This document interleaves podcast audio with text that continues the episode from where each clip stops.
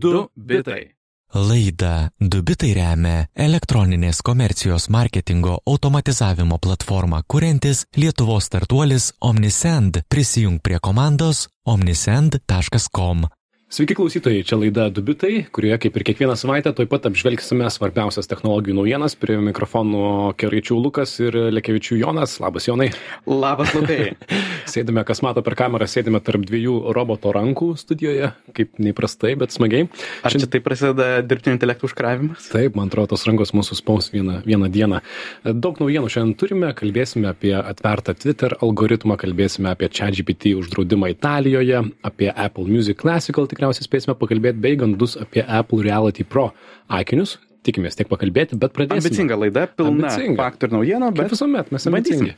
Bet pradėti turime nuo tos temos, kuri, na, jau dabar apskriejo pasaulį, vos įrašėme praėjusią savaitę laidą ir e, po pasaulį pasklido laiškas, skatinantis sustabdyti um, dirbtinių intelektų sistemų vystymą. Tai pirmiausia apie tai. Tai trečiadienį praėjusios savaitės Future of Life Institute, tai yra ateities gyvybės institutas, savo svetainėje paskelbė atvirą laišką, ragindami dirbtinio intelekto laboratorijas nedelsant bent šešiems mėnesiams sustabdyti dirbtinio intelekto sistemų galingesnių už GPT-4 mokymą. E, Pasirašė šį laišką Elonas Muskas ir keli garsūs dirbtinio intelekto tyrinėtojai ir labai daug dėmesio spaudoje susilaukė šis laiškas ir kritikos ir visko ir apkalbėjimų. E, Tarp tų jau daugiau negu 9 tūkstančių parašų yra Elonas Muskas, e, Apple vienas iš bendrai kuriejų Steve'as Wozniakas, e, Yuval Noah Harari, Homodeus autorius, ar ne? e, ko, galima pastebėti, ko nėra tarp pasirašysių. Pavyzdžiui, tarp pasirašysių nėra nei vieno OpenAI darbuotojo, kuris, kurie būtent kuria tą GPT-4. Taip, nepasirašiau ir aš, nors visi gali pasirašyti, kas nori, kas, kas tiesą pasakius, kas iš to labai daug nieko nekeičia, ar ne? O, o internetinė peticija. Bet noriu jums šiek tiek pacituoti tą laišką, kuris, na, apskriejo tiek daug dėmesio susilaukė. Tai šiek tiek išverčiau, praleisdamas kelis sakinius, jums paskaitysiu jo tekstą. Dirbtinio intelekto sistemos, kurių intelektas yra konkurencingas žmonėms, gali kelti pavojų visuomeniai ir žmonijai. Pažangus dirbtinis intelektas gali būti esminis pokytis žemė, Žemės istorijoje, todėl turėtų būti planuojamas ir valdomas su atitinkamu rūpeščiu ir ištekliais. Dėja tai nevyksta, nors pastaraisiais mėnesiais dirbtinio intelekto laboratorijos įsivėlė į nekontroliuojamas lenktynės, siekdamos sukurti ir įdėkti vis galingesnius skaitmeninius protus, kurių niekas, net jų kuriejai, nesupranta, negali prognozuoti arba patikimai valdyti. Šiuolaikinės dirbtinio intelekto sistemos tampa konkurencingos žmonėms atliekant bendrasias užduotis, todėl turėtume savęs paklausti, ar turėtume leisti mašinoms užtvindyti mūsų informacijos kanalus propaganda ir netiesa? Ar turėtume automatizuoti visus darbus, įskaitant suteikiančius žmonėms daug pasitenkinimo? Ar turėtume ugdyti mašinų protus, kurie ilgainiui gali pergudrauti, kiekiu peraukti ir pakeisti mus? Ar turėtume rizikuoti prarasti savo civilizacijos kontrolę? Tokie sprendimai neturi būti deleguojami nerenkamiems technologijų lyderiams.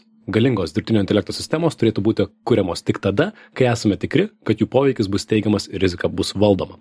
Todėl raginame visas dirbtinio intelekto laboratorijas, nedelsint bent šešiem mėnesiams sustabdyti dirbtinio intelekto sistemų, galingesnių nei GPT-4 mokymą Ir ši pauzė turėtų būti vieša ir patikrinama. Jei tokios pauzės negalima greitai įvesti, vyriausybės turėtų įsikišti ir paskelbti moratoriumą. Dirbtinio intelekto laboratorijos ir nepriklausomi ekspertai turėtų išnaudoti šią pauzę, kad kartu sukurtų ir įgyvendintų bendrų saugos protokolų rinkinį, skirtą pažangiam dirbtinio intelekto projektavimui ir plėtrai kuriuos griežtai tikrina ir prižiūri nepriklausomi išorės ekspertai. Šie protokolai turėtų užtikrinti, kad jų besilaikančios sistemos būtų saugios be pagristų abejonių. Tai nereiškia, kad dirbtinio intelekto kūrimas apskritai sustabdomas, o tik atsitraukiama nuo pavojingų lenktynių dėl vis didesnių nenuspėjamų juodųjų dėžių modelių su neiškiomis galimybėmis. Laiško esmė čia, na ir didžioji dalis yra čia. Gerai, ir ką mes apie tai manome, kadangi nemažai žmonių klausė, ką apie tai manome. Spaudoje buvo kalbėta, ką, ką apie tai manome. Tai pirmiausia, man atrodo, šitas laiškas parodo, kokia disruptyvi ir svarbi šią akimirką technologija yra dirbtinis intelektas, jeigu taip apie tai kalbame. Netikėta, kiek daug tai dėmesio susilaukė. Aš manau, kad pirmiausia, laiškas atliepia sekančių naujienas nerimą dėl itin staigių pokyčių ir nežinios, kur esame ir kur li- link einame. Čia tiesiog toksai, na, laiku atsiradęs e, įgarsinimas to, ar ne? Taip, nes iki šiol visi šitie dirbtinio intelekto modeliai, jie būdavo moksliniuose darbuose ir, ir mokslininkams prieinamuose eksperimentuose. Aš manau, čia GPT tu- turėjo tokį didelį efektą, būtent todėl, jog tapo prieinamas visiems, parodė, o jis pradeda atlikti kažką, kas panašėja kaip protinis darbas ir iki šiol tai buvo tokia nepažinta žemė dirbtiniam intelektui. Ir žmonės natūraliai pradeda nerimauti. Ir aš manau, laiškas yra tokia refleksija, atspindys Taip. to, kas, to nerimo, kuris formuojasi visuomenėje. Microsoftas su džiaugsmu rodo, štai kaip jūs pakeis prezentacijų kūrėme, tekstų rašyme, duomenų analizai ir visi oi bet man patinka kurt prezentacijas man patinka daryt duomenų analizę. Aš nenoriu jog mane pakeistų. Taip ir tikrai jeigu mažiau domiesi atrodo kas vyksta nesupranti. Tai aš puikiai suprantu sentimentą atsakingiau pažvelgti į dirbtinio intelekto plėtojimą tam galiu pritarti nebus to per daug. Bet kodėl siekiama taip pasiekti stabdant plėtojimą. Ar tai realu ką tai galėtų reikšti ar tokių pavyzdžių yra anksčiau buvę? Nes kaip susitarti kas yra saugu be pagrįstų abejonių? Aš manau pa pavyzdys e, pavyzdžiai egzis galima surast manau istorinių pavyzdžių kur yra suvaržytas sėkmingai sulėtinta technologijų vystymasis ten kur galima kažką fiziškai kontroliuoti. Vėlgi gal ne visiškai šimtu procentų sėkmingai bet mes esame plius minus kažkiek suvaldę branduolinio gys e, e, technologijos vystymą. Taip, tačiau jomis palyginti sudėtinga ar ne? Būtent nes tai yra reguliuojama fizinė substancija uranas ar plutonis. Su dirbtiniu intelektu tai yra vystymas kuris mes galbūt daugiausia šnekame apie openai apie microsoft apie meta bet tai yra technologija kurią vysto tūkstančiai jei ne dešimtys tūkstančių mokslininkų institucijų net mėgėjų. Pavyzdžiui kai lama dirbtinis intelektas išėjo į internetą prisijungė visi tie kurie kažkiek krapštosi ir visi kartu vysto tą tą dirbtinį intelektą. Tad viso pasaulio neįtikinsi šiuo laišku man tuo pačiu keista kodėl nesitaikyti į problemą tiesmukiau? Vietoje reikalavimo daryti pauzį pauzę vystyme iš esmės progrese reikalauti pagreitinti teisinį reguliavimą kuris šiaip šiaip vyksta tiek jungtinėje valstijoje jungtinėse valstijose tiek europoje ir kitur. Minėti neverta bet visuomet technologijos priekyje ėjo, ar ne? Na, mes aptarsime, kaip tą teisinį reguliavimą priima Italija, kuri sako stop. Bet vėliau aptarsime. Taip, bet ten taip pat yra tam tikrų niuansų. Man įdomu pastebėti, kad šį laišką pasirašė Stability AI vadovas Emad Mustakiu, tikriausiai taip pat reikėtų ištarti pavardę. Tai na įdomu kadangi jų paveikslėlius generuojanti programinė įranga stable diffusion yra šiuo metu paduota į teismą keliose bylose. Viena iš jų trys vaizdo menininkai dėl autorinių teisių pažeidimo kita paveikslėlių licencijavimo gigantas getty getty images. Tai yra ta vieta iš kurių pasiėmė vadinamuosius stock paveikslėlius. Tai Stability AI be Getty Images leidimo ar kompensavimo nukopijavo daugiau nei 12 milijonų nuotraukų iš Getty Images kolekcijos kartu su susijomis antraštėmis ir metadomenimis. Tad gal vertėtų pasižiūrėti į veidrodį vietoj to, kad, e, ar ne, rodyti gerą pavyzdį, vietoj to, kad rašytum peticijas. Aš iš dalies suprantu ir Stability AI, kodėl jie norėtų pasirašyti tokį, tokį laišką, todėl jog jie atstovauja iš tiesų viešo vystymo dirbtinio intelekto e, stovyklą. E, kompanijos kaip Microsoft ar, ar Google, jos visus savo modelius turi labai privačiai, nesidalina ir tam tikrą prasme todėl juos net lengviau yra sustabdyti. To, kas yra Stability AI, toks iš esmės atviras modelis, niekaip nesustabdysi išskyrus visiems kartu prieėjus prie bendro sprendimo, jog taip reikėtų sustoti, bet kas, kas yra absoliučiai naivu. Na, taip, kaip, kaip tai atrodo, žinai, kapitalistinėme pasaulyje. Sustokite daryti tai, ką, tai, ką darote, tikrai sunku įsivaizduoti. Aišku, čia aš ir kiti nusistebim, kad čia GPT vystytojas OpenAI uh, savo bloge rašantis, kaip svarbu įgalinti žmoniją um, su dirbtiniu intelektu, tai yra jų pagrindinis tikslas, o visi juk juokiamės šią akimirką iš jų pavadinimo OpenAI, atviras dirbtinis intelektas, mm -hmm. sukurta kaip atviro kodo, nepelno siekianti organizacija dabar yra uždaro kodo pelnų siekianti organizacija. Ir net nesidalina niekuo, kaip jie sukūrė tą GPT-4 modelį, kuris dabar vat, laikomas iki šito taško ir nedaugiau. Uh, jie net nesako, kokio jis yra dydžio, kaip buvo treniruotas. Open yra turbūt žodis, apie kuris mažiausiai tinkamas jų įmonė. Tai internete siūloma jiems pasikeisti pavadinimą į uždarą, į dirbtinį intelektą. Pritariu mokslininkams, kurie buvo cituoti šitame laiške ir nuo jo atsiribojo, kad šiaip šią akimirką su ChatGPT galima padaryti daug žalos ir man asmeniškai čia tikriausiai su Jonu mes galėtume ginčytis, man asmeniškai visokie sukčiai ir dabartinės grėsmės su dirbtiniu intelektu yra aktualesnės ir įdomesnės mhm. negu tas visas, na, futuristinis scenarius užvaldymo pasauliu. Jonas čia ką nors tikrai pasakys. Taip. A, bendrai, tokios ir skiria dvi stovyklos. Tų, kurie masto apie labai tolimą ateitį, mm -hmm. tokią teoretinę ateitį, ir tų, kurie tiesiog mato šios dienos problemas, kurie jau dabar yra pavojingai naudojamas dirbtinis intelektas. Um, šiaip įdomu žinai klausimas minėjai gal vat pats būtum pasirašęs aš turbūt esu toje spektro dalyje kur idealiu atveju naiviame tame pasaulyje kur mes galėtume susitarti dėl pauzės aš turbūt norėčiau tos pauzės vien tam jog turėtume šiek tiek momento atsikvėpti ir galbūt pagalvoti kur mes einame Gerai, kiek pritariu. tame yra rizikos Pritariu tau. Nes faktas, jog rizikos šiek tiek yra. Mes nesame dar iki šiol ėję į tą teritoriją, kur kūrėme algoritminį protą, kuris kai kuriais aspektais panašėja į mus. Ir aš galiu įsivaizduoti scenarius, kurie būtų pavojingi. Ir tokie pagrindiniai dalykai, kurie mane, man sukelia tam tikrą nerimą. Aš, aš tikrai nemanau, jog tai bus tai mokslinė fantastika robotais, kurie vaikščioja su ginklais ar dar kažką. Bet viena yra vystimosi greitis. Mes kiekvieną savaitę aptarinėjame kažkokią naujieną. Atrodo, tai nesustoja. Ir kada bus GPT-5, kada bus GPT-6, gali būti, ar mes tikrai esame pasiruošę dar vieną 10x ar 100x kokybės pagerinimą uh, suvaldyti. Uh, mes praeitoje laidoje šnekėjome apie įrankių pajungimą, tuos pluginus, plėtinius čia GPT. Jeigu jis eis į internetą arba vykdys kodą, tai yra naujos galimybės, kurių mes irgi ne, dar nesame ištyrę, suvaldę. Um, o trečia priežastis yra tokie ilgi procesai. Kol kas mes esam trumpose pokalbiuose su tais- tuo čia GPT, mes nesame dar susidūrę, kaip jie veikia, jeigu jie gali veikti visą parą. Būti testiniai protai, išlaikyti mintis visą laiką. Ir GPT-4 yra didelis žingsnis į priekį. Jis išlaiko apie 50 puslapių konteksto. Tad atrodo, jog pasiekėm tam tikrą liniją, kur reikėtų atsargiau, sulėtėti šiek tiek. Taip, pritariu tau, jeigu būtų įmanoma taip susitarti, sulėtėkime šiek tiek, pasidarykime, pagalvokime, bet kadangi tai realistiškai nėra įmanoma, ir iš jų akcija. Ir pabaigai tiesiog pasakyčiau, kad įdomu tikriausiai, kad manau, kad vis daugiau matysime to, kad patys naudotojai rinksis na, vieni, kurie norėsis, rinksis etiškiau kuriamą dirbtinį intelektą, įmonės, kurios etiškiau į tai žiūri, o kitas sakys, ne, aš nenoriu generuoti paveikslėlį su šitu įrankiu, nes jie apmoko savo dirbtinį intelektą taip ar taip, arba Mhm. padarė per komerciją tokius ir tokius žingsnius, arba labai yra prieš sumokėjimą autorinį mokestį ir panašiai ir panašiai. Tai manau, matysime tai kaip su automobiliais, ar ne, kur kažkas padarė, pakliuvo Volkswagen prieš šimtą metų, prieš 20 metų į skandalą ir vis dar dabar yra žmonių, kurie prisimena, ar ne, Mhm. daugiau tų pavyzdžių turim, kas nebūtinai yra blogai, vartotojai pasirinks. Hu, tai tiek apie tą laišką, ar ne? Atsiskaitėme. Atsiskaitėme klausytojams ir žiūrovams. Priminsime, girdite laidą pavadinimu Dubitai, aptarėme svarbiausias technologijų naujienas. Antrojoje vietoje yra atvertas Twitter algoritmas, kas įvykė, įvyko praėjusios savaitės gale. Papasakos Jonas. A, Taigi Twitter atvirų kodų pavertė dalį savo sistemos, e, jis pavadino tai The Algorithm arba algoritmas.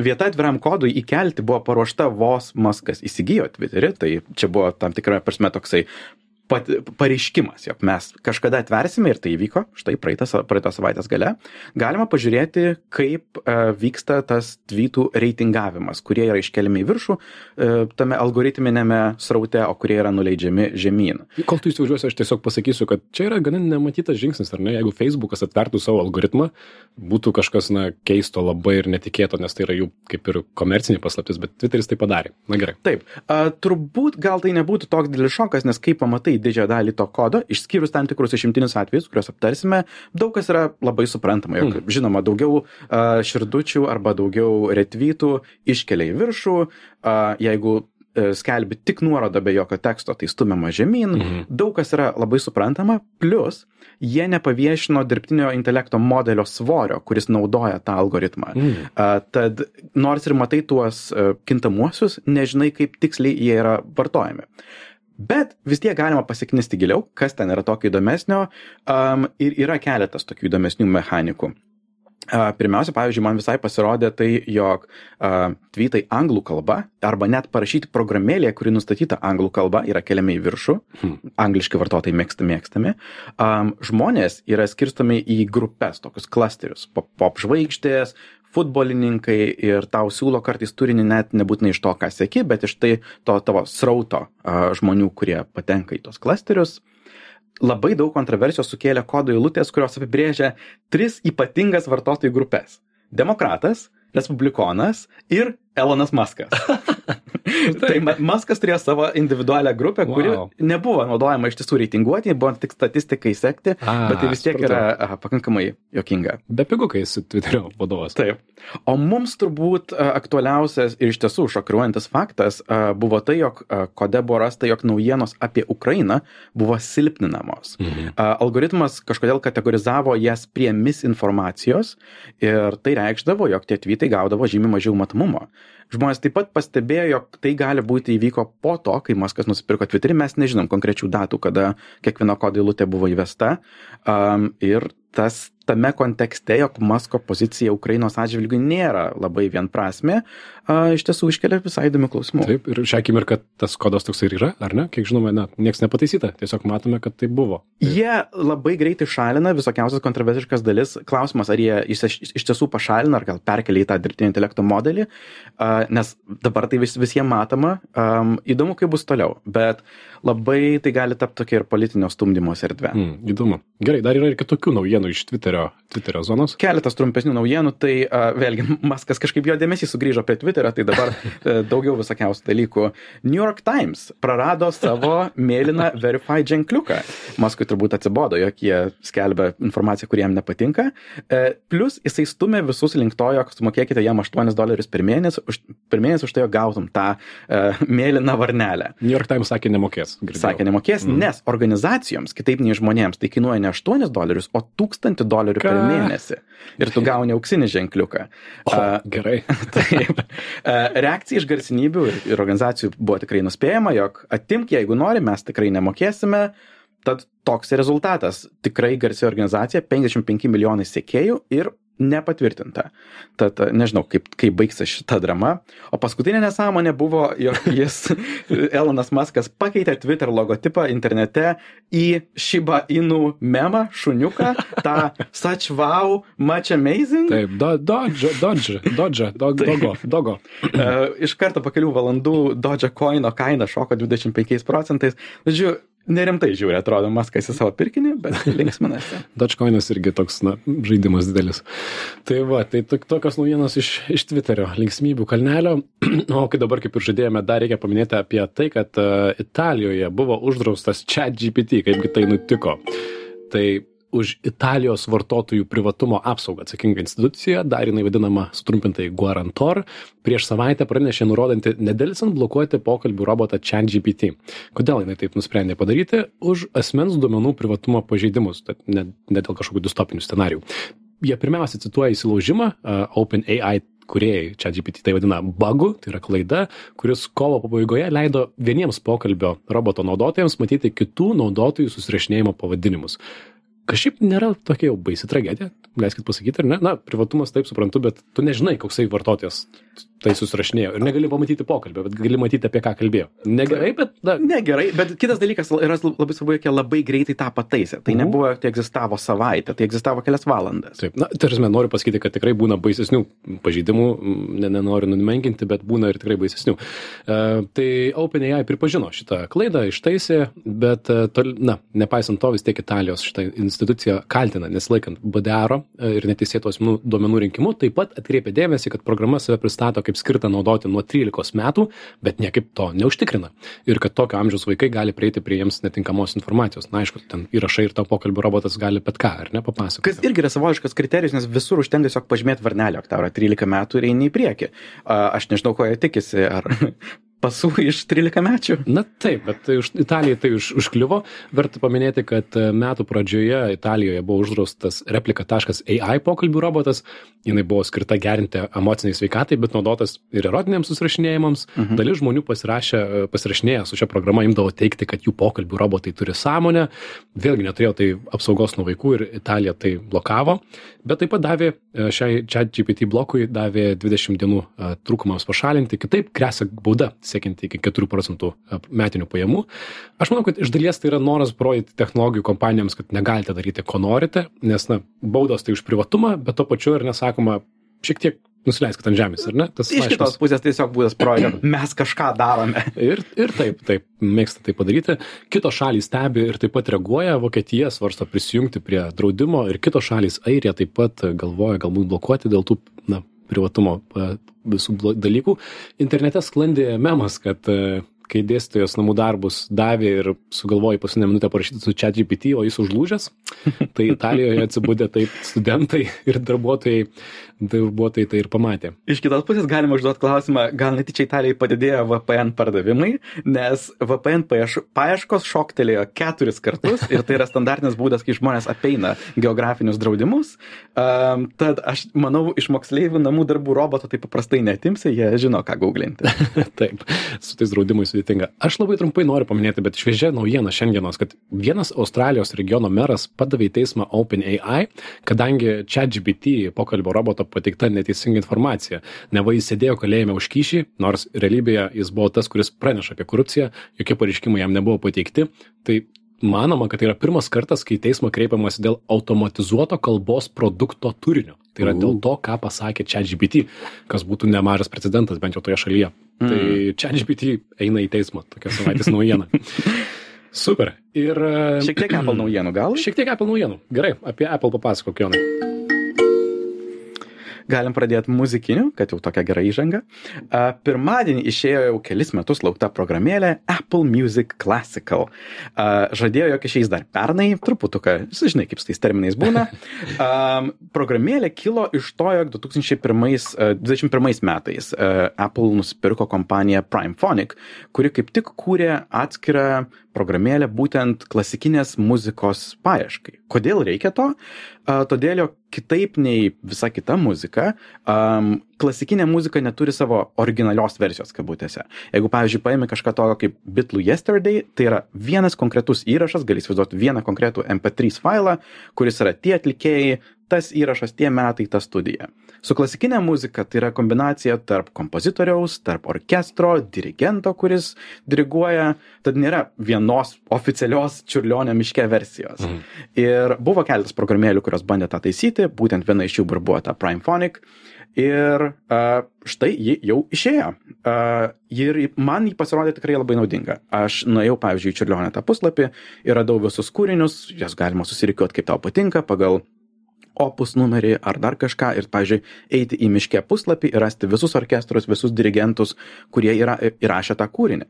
Taip pat, pavyzdžiui, galima eiti per orkestrus arba dirigentus, tarkim, nueiti į Mirgos gražinytės tylos puslapį ir rasti visus įrašus, kuriuos ji yra dirigavusi. Uh, tad tiem, kas turėjo šią problemą ir visokie Spotify ir Apple Music standartiškai netikdavo, tai tikrai turėtų būti labai laukiama puikia naujiena. Jeigu turite Apple Music, tai yra nemokamai ir taip pat pasiekime Androidą, turbūt smagu išbandyti, ypač jeigu mėgstat klasikinę muziką. Taip, puikios naujienos klasikinės muzikos gerbėjams, tikrai puikia programa, nelabai ką prikiši, nelabai yra ir konkurentų, kas tai darytų, ar ne? Mhm. Ir pabaigai apie gandus, paplėtkinkim šiek tiek apie Apple. Kiek jau tilps, galim paminėti, kas yra žinoma apie uh, tą Apple Reality Pro. Čia yra spėjamas pavadinimas, kaip galbūt gali vadintis tie virtualios ar parturintos realybės akiniai. Um, išėjo informacija, jog jie pristatė demonstraciją visai blizgančią ir gražią savo taip vadinamam top šimt, šimtui vadovų. Tai yra svarbiausi įmonės žmonės. Um, ir pasak tos nutekintos informacijos, tai atrodo kaip slidinėjimo akiniai. Ir jų baterija yra ne pačiuose akiniuose, o laikoma prie diržo ir jungiasi laidu. Turbūt tam, jog palengvinti juos, kas yra labai įdomus dizaino sprendimas. Spėjama, jog jie bus žvėriškai brangus - apie 3000 dolerių. Palyginus iki šiol turbūt brangiausias wow. yra Quest Pro, kuris yra vos tūkstantis. Tad e, panašu, jog Apple tikrai nesitik, nesitikė, jog tai bus toksai platus hitas visiems prieinamas ir suprantamas.